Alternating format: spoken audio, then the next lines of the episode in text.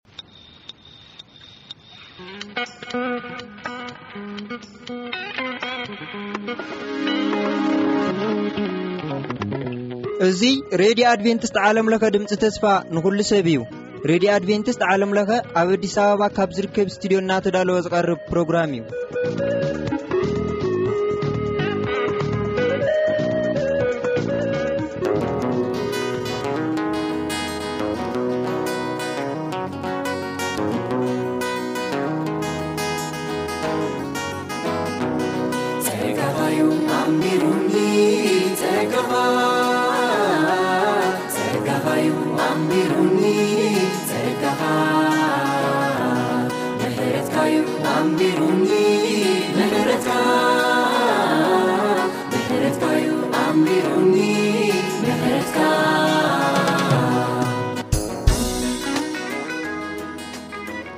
ሰላም ጎይታና መድሓኒና የሱስ ክርስቶስ ምሳኹም ይኹን ዝኸበርኩም ተኸታተልቲ መደባትና እዚ ከም ኢትዮጵያ ኣቆጻጸራ ካብ ክልተ ሽሕ ዓሰርተ ኣርባዕተ ናብ ክልተ ሽሕ ዓሰርተ ሓሙሽተ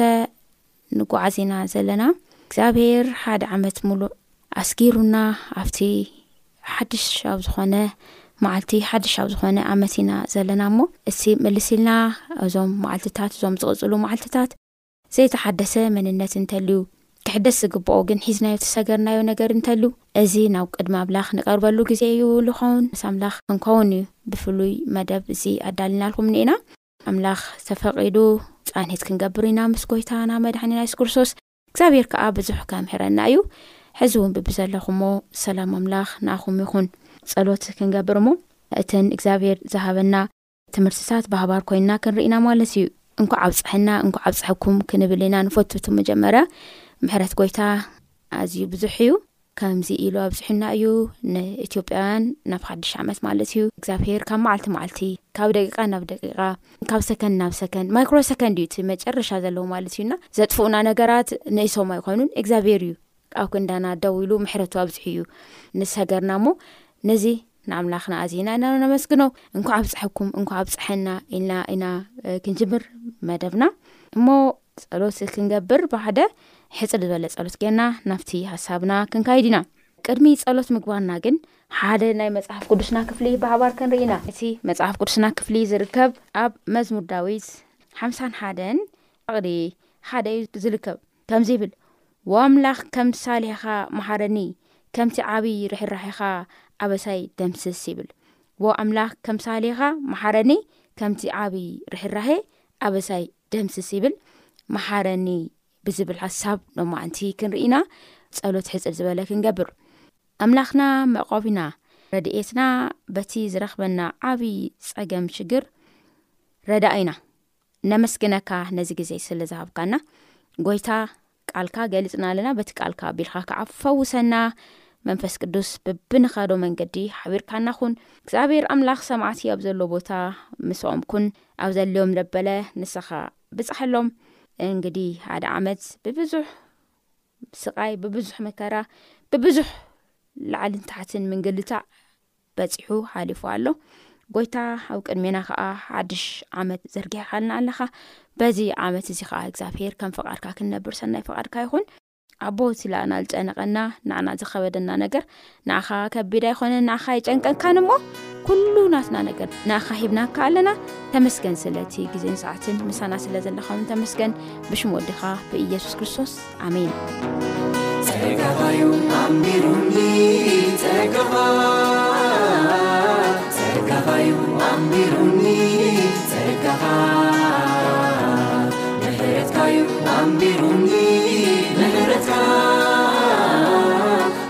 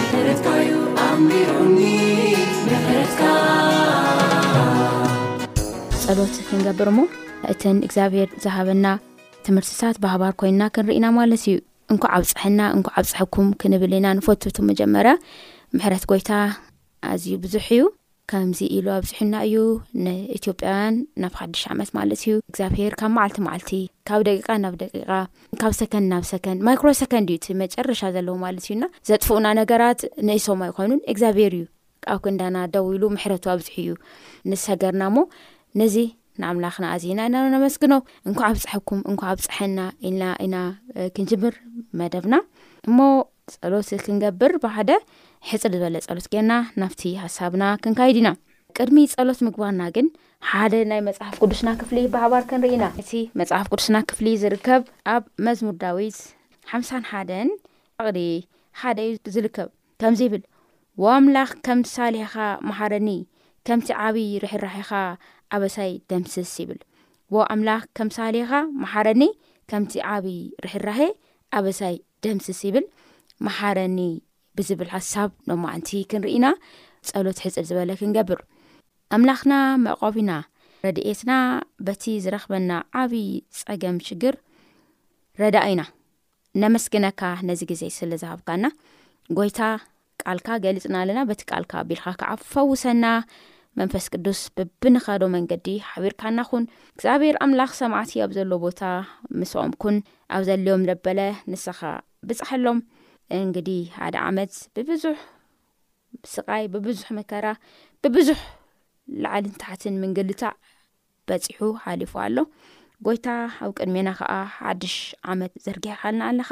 በዚ ዓመት እዚ ከኣ እግዚኣብሄር ከም ፍቓድካ ክንነብር ሰናይ ፍቓድካ ይኹን ኣቦ እቲ ላእና ዝጨነቐና ንዕና ዝኸበደና ነገር ንኣኻ ከቢድ ኣይኮነ ንኣኻ ኣይጨንቀካን እሞ ኩሉ ናትና ነገር ንኣኻ ሂብናካ ኣለና ተመስገን ስለቲ ግዜን ሰዓትን ምሳና ስለ ዘለኻ ውን ተመስገን ብሽም ወድኻ ብኢየሱስ ክርስቶስ ኣሜን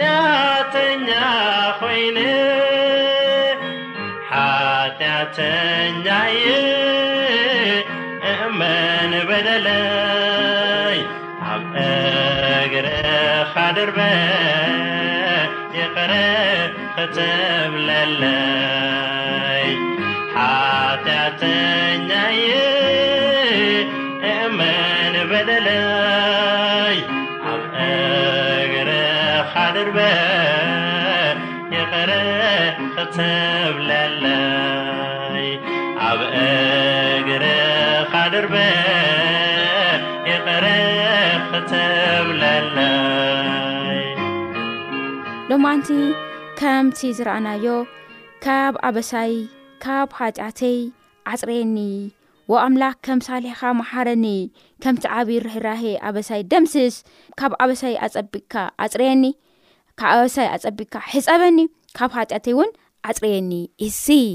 ፀሎት እዚ ሎሚ ኣለና ደቂ እግዚኣብሄር ንምንታይ ንምንታይ ሲ ዘለና ሕዚ ምሕረት ኣምላክ ከም ውልቀና መጀመርያ ኣለና እዩ ንሓጢኣትና ንበደልና ምትሕላፍና ሓጢኣት ዝኽፈሎ ዋጋ እናሓሰብና ንእግዚኣብሄር ምሕረት ክገብረና ክንሓትት ግድን እዩ ማለት እዩ ንኡ እዩ እዚ ሓሳብ እዚ ኣው ዝንኦ ታይ ይብል ዎ ኣምላክ ከም ሳሌኻ ታይ ግበር መሓረኒ ከምቲ ኣብይ ርሕራሒ ከዓ ኣበሳይ ደምስስ ካብኡ ቁፅሪ ክልተ ከይና ከዓ ካብ ኣበሳይ ዓፀቢቅካ ሕፀበኒ ካብ ሓጢኣተይ እውን ኣፅረየኒ ዝብል ዘሎ ማለት እዩና እዚ ፀሎት እዚ ኣዝዩ ወሳኒ ዝኾነ ፀሎት እዩ ወሳኒ ዝኾነ ፀሎት እዩ ማለት እዩ እዚ ጸሎት እዚ ምሕረት ኣምላኽ ንውልቄና ሓተሉ ክኸውን ይግባእ ማለት እዩ። እስቲ ምልስ ኢልና ንቲ ዝሓለፈ ዓማውቲ ማለት እቲ ዓመት ኣብ ዓመቱ ዝነበሩ መዓልትታት እቲ ንርኢ እስቲ ሓደ ብሓደ ካብ መስከረም ሃ ኢልና ሓደ ኢልና ካብ ጀመራ ጀሚርና ለለው መዓልትታት ንርአ ምናልባት ንስሓ ዘይኣተናዩ ምናልባት ኣብ ቅድሚ ኣምላኽ ይቕረ የበልልና ይቅርታ ዘይረከብናዩ ሓጢኣታት ክህሉና ዶ ይኸውኑ ወይ ከዓ እዚ እውን እናወደቕና እናተሳእና ናወደቕና እናተሳእና ዘለናዩ ሓጢኣት ኣለና ዶ ይኹን ልምምዲ እዚ ኣለና ዶ ይኹን ባርያ እግዚኣብሄር ዳዊት እቲ ዝፈፀሞ ሓጢኣት ከቢድ ምዃኑ ከቢድ ገበን ምዃኑ ብዝተረደኣ ቁፅሪ ልቡ ከም ዝተሰፈረ ንርኢ ስለዚ ልቡ ምስ ተሰበረ እዚ ፀሎት እዚ ከም ፀለየ ንርኢ እንታይ ኢሉ ፀልዩ ሕዚ ዘንበብናዮ ማለት እዩ ዎ ኣምላኽ ከም ሳልሒኻ መሓረኒ ከምቲ ዓብዪ ርሕራኻ ኣበሳይ ርሕራሒኻ ኣበሳይ ደምስስ ካብ ኣበሳይ ኣፀቢቕካ ሕፀበኒ ካብ ሓጢኣተይ እውን ኣፅረየኒ ኢሉ ማለት እዩ እዚ መኣዝ እዩ ዘሚርዎ ዳዊት ክንብል ከለና ዳዊት ናብ ቤተሳባ ሰበይቲ ኦርዮን ወሲዱ ሓጢኣት ገቢሩ ዝሙት ፈፂሙ ካብኡ ከዓ ሓስዩ ከምኡ ከዓ ቀቲሉ ብዙሕ ሓጢኣታት ምስ ገበረ ወ ኣምላኽ ከም ሳሊኻ ተይግበር መሓረኒ ኢሉ ማለት እዩ ስለዚ ክነስተዑል የድልየና ማለት እዩ ስለዚ ከም ታሪኻ ማሓረኒ ማሓረኒ ክብ ኢልና ክንሓትት ከለና ከም ርሕራሒካ ደማ ኣበሳይ ደምስሰኒ ኢልና ክንሓትት ከለና ሰለስተ ነገራት ክንዝክር ይግባኣና ኣብዚ ዘሎ ሰለስተ ነጥብታት ክንርኢ እቲ ናይ መጀመርያ እዚ ዝልመና እዚ ዝቐርብ እዚ ልመና እዚ ኣብ ቅድሚ ኣምላኽ ዝኸውን። ኣብ ቅድሚ ኣምላኽ ምሕረት ኣሎ ኢሉ ዝሓስብ ሰብ እዩ ዝኸበርኩም ስድራ እግዚኣብሔር። እግዚኣብሔር ምሕረት ይገብር እዩ። እግዚኣብሔር ይቕረ ይብል እዩ። እግዚኣብሔር እቶም ነቶም ሓጢኣተኛት ቀረባ እዩ ኢሉ ዝኣምን ሰብ እዩ እዚ ሕቶ እዚ ናብ እግዚኣብሔር ሒዙ ዝቐርብ ማለት እዩ። ዳዊት ከምኡ ዓይነት እምነት ነይርዎ ምስ ኣምላኽ ብትክክል ዝቐርብ ሰብ ነይሩና ካብቲ ዝነበሮ ኣበሳ ካብቲ ዝነበሮ ሓጢኣት ካብቲ ዝነበሮ በቃ ዝረስሐ መንነት ከፅሪ ዝኽእል ኣምላኽ ምዃኑ ስለ ዝተረድኦ ታይ ኢሉ ወ ኣምላኽ ታይ ግበር ከም ሳልያኻ ታይ ግበር መሓረኒ ኢሉ ማለት እዩ ስለዚ ስናይ መጀመር ነዚ ሓሳብ እዚ ሒዙ ዝቐር ሰብ እግዚኣብሄር ኩሉ ዝፈልጥ እግዚኣብሄር ቅዱስ እግዚኣብሄር ኩሉ ክገብር ዝኽእል ባህሪ ዘለዎ ኣምላኽ ምዃኑ መጀመርያ ክፈልጥ ኣለዎ ማለት እዩ እቲ ምሕረቱ ከዓ ካብዚ ኩሉ ባህሪታቱ እቲ ዝለዓለ ከም ዝኾነ ፈልጥ ዝኽእል ሰብ እዩ እዚ ክገብር ዝኽእል ማለት እዩ እና እዚ እግዚኣብሄር ከጥፈና እናኸኣለ ክድምስሰና ክቐስለና እናኸኣለ ግን ካብ ኣይምሮና ብላዕሊ ብዝኾነ መስዋእቲ ከፍ ኢሉ እሱ እውን እንታይ እዩ ኣብ መስቀል ተሰቒሉ ይቕረ ክብለና መሪፁ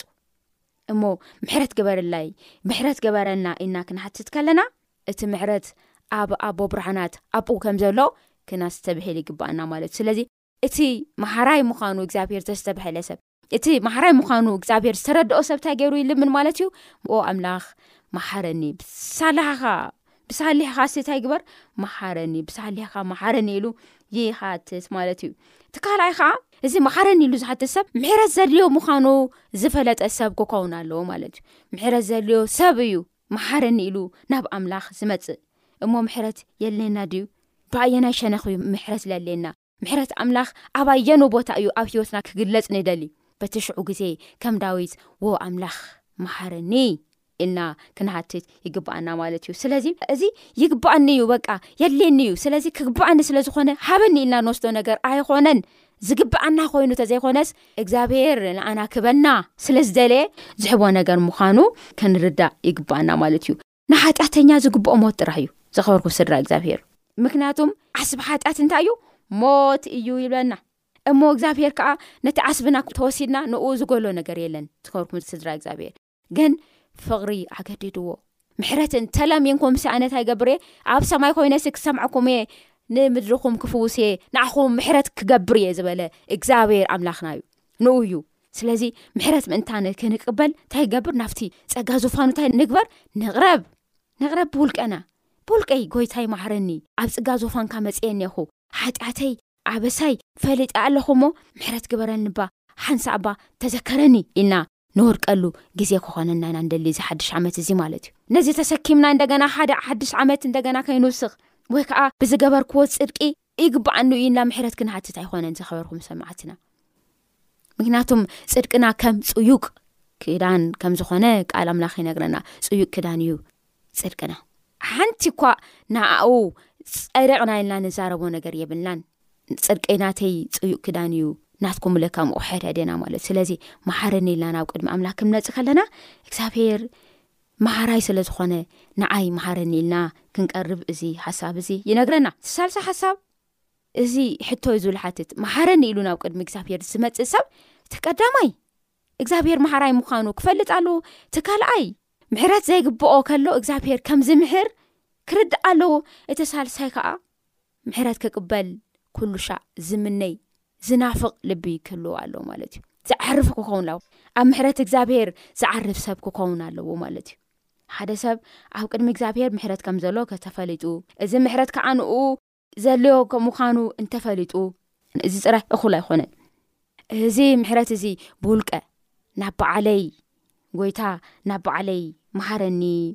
ናብ በዓለይ ኣምፃኣሉ ምሕረትካ ተቐባልት ግበለና ኢልና ክንቕበል በቲ ምሕረት እሱ ክንዓርፍ ይግባኣና ማለት እዩ ንኣይ መሃረኒ እግዚኣብሄር መሃራይ ምዃኑ ጥራይ ምፍላጥ ዋጋ የብሉን ግን ነቲ ምሕረቱ ብውልቀ ብግሊ ማለት እዩ ተኻፈልቲ ክንከውን የሌና ማለት እዩ እንተዘይኮይኑ ነቲ በረኸቱ ብትክክል ክንርዳእ ኣይንኽእልን ማለት እዩ ስለዚ ኣብ መዝሙር ሽዱሽተ ፍቕዲ ክልተ ከምዚ ይብል መዝሙር ዳዊት ሽዱሽተ ፍቕዲ ክልተ ከምዚ ይብል ወ እግዚኣብሄር ማሚነ እየ እሞ መሓረኒ ወ እግዚኣብሄር ኣዕፅምተይ ተረቢሸን እየ እሞ ኣጥዐየኒ ይብል ማለት እዩ መሃሚነ እየ ካሓጢኣተይ ዝተላዕለ ካብ ክፍኣተይ ዝተላዕለ ዝሰኣይሲ መሃሚነ እሞ መይታይ ይግበር መሓረኒ ክብል ከሎ ኢና ንርኢ ኣብ ካልእ ቦታ እውን ኣብ እስራን ሓሙሽተን ዓሰርተ ሓደ እውን ሕዚ እውን ካሊእ ጸሎት ይገብር በዓል መዝሙር ዓሰርተ ሓደ እስራን ሓሙሽተን ዓሰርተ ሓደ ካኣታይ ይብል ወ እግዚኣብሄር በደለይ ይዓብዩ እሞ ስለ ስምካ ኢልካ ይቕረይ በለለይ ይብል መሓረኒ ይቕረይ በለለይ ማለት መሓረኒ ማለት በደሉ ዝፈለጠ ሰብ ሓጢኣቱ ዝፈለጠ ሰብ ምትሕላፉ ዝተረድኦ ሰብ እንታይ ይገብር መሓረኒ ኢሉ ኣብ ቅድሚ እግዚኣብሄር ይወድቕ ስለዚ እዚ ግዜ እዚ እዚ ሓድሽ ዓመት እዚ እዚ በዓልቲ እዚ ብዝተፈለየ መንገዲ ምሕረት እግዚኣብሄር ንቕበለሉ ክኸውን የድልየና ማለት እዩ ዝኸበርኩም ስድራ እግዚኣብሄር እሞ ነዚ ሓሲብና ነዚ ዘኪርና ነዚ ኣሚና ኣብ ቅድሚ እግዚኣብሄር ብምሕረት ክንመላለስ የድልየና ማለት እዩ እቲ ሳልሳይ ሓሳብ ከዓ ኣብ ሳላሳን ክልተን ኣብ መዝሙር ሳላሳን ክልተን ፈቕዲ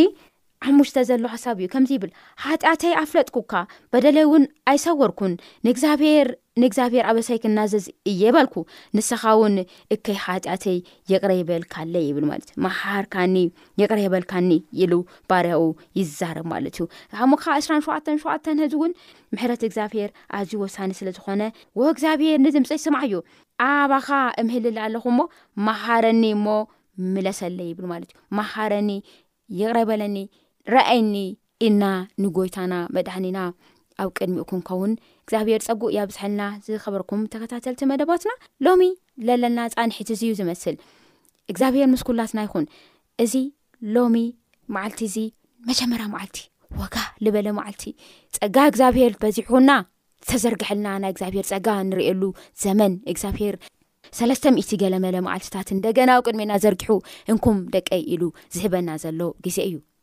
ስለዚ በዚ ግዜ እዚ እቲ ናይ መጀመርያ ነገርና ክኸውን ኒኦዎ ጎይታ መሃረኒ ጎይታ ይቕረ የበለኒ ጎይታ ምእንተ ስቓይኻ ምእንተ ሕማምካ ኢልካ ይቕረ የበለኒ መሃረኒ ባርኻ ተዘከሮ ኢልና ክንልምን ይግባኣና እሞ ናይ ሎሚ ፃንሒትና እዚዩ ዝመስል ጎይታ ሰላም ምስ ኩላትና ይኹን ሕዚ እውን ሕጽር ዝበለ ጸሎት ክንገብር ኢና። እግዚኣብሄር ኣምላኽና ምሕረት ካባኻ እዩ፣ ምሕረትካ ስለ ዝኣወጅካልና ተመስገን፣ መሃራይ ኢኻ እስኻ፣ ኣሕና ኸኣ ናትካ ምሕረት ተረዲኡና እዩ ናባኻ መጺእና ኣለና፣ ምሕረትካ ጌርካ ኸኣ ብምህረት ኣንብረና፣ ነቲ ኣብ ቅድሜና ዝዘርጋሕካዮ ናጸጋ ዘመን እግዚኣብሄር። ናትካ ምሕረት እናተኣመንና ጎይታ ካብ ሓጢኣት እናረሓቕና ብትክክል ንዓና ንኣኻ እናርኣና ንቅድሚት ብብርሃንካ ክንመላለስ ረድኣና ሰማዕቲ ኣብ ዘለዎ ቦታ ጎይታ ብዘለዎም ነገር ኩሉ ፀጋናትካ ክበፅሐሎም ንልምነካ ኣለና ተመስገን ስለ ኩሉ ነገር ብሽም ወድኻ ኢየሱስ ክርስቶስ ኣሜን ሕራይ ዝኸበርኩም ሰማዕቲ ክብራት ደቂ እግዚኣብሄር ምሳና ስለ ዝኾንኩም እዚ እውን እግዚኣብሄር ኣዝዩ ይባርኩም እናበልና ሕራይ ዝኸበርኩም ሰማዕቲ ኣብ መወዳእታ ምእንተ ስቃይካን ሕማምካን መሃረኒ ምእንተ ስቃይካን ሕማማትካን ጎይታ መሃረኒ ትብል ናይ ፀሎት መዝሙር ኣንጊና ክንፈላለዩና ምሳና ስለ ዝነበርኩም እግዚኣብሄር ይባርኩም ፅባሕ ከዓ ከምዚ ሰዓት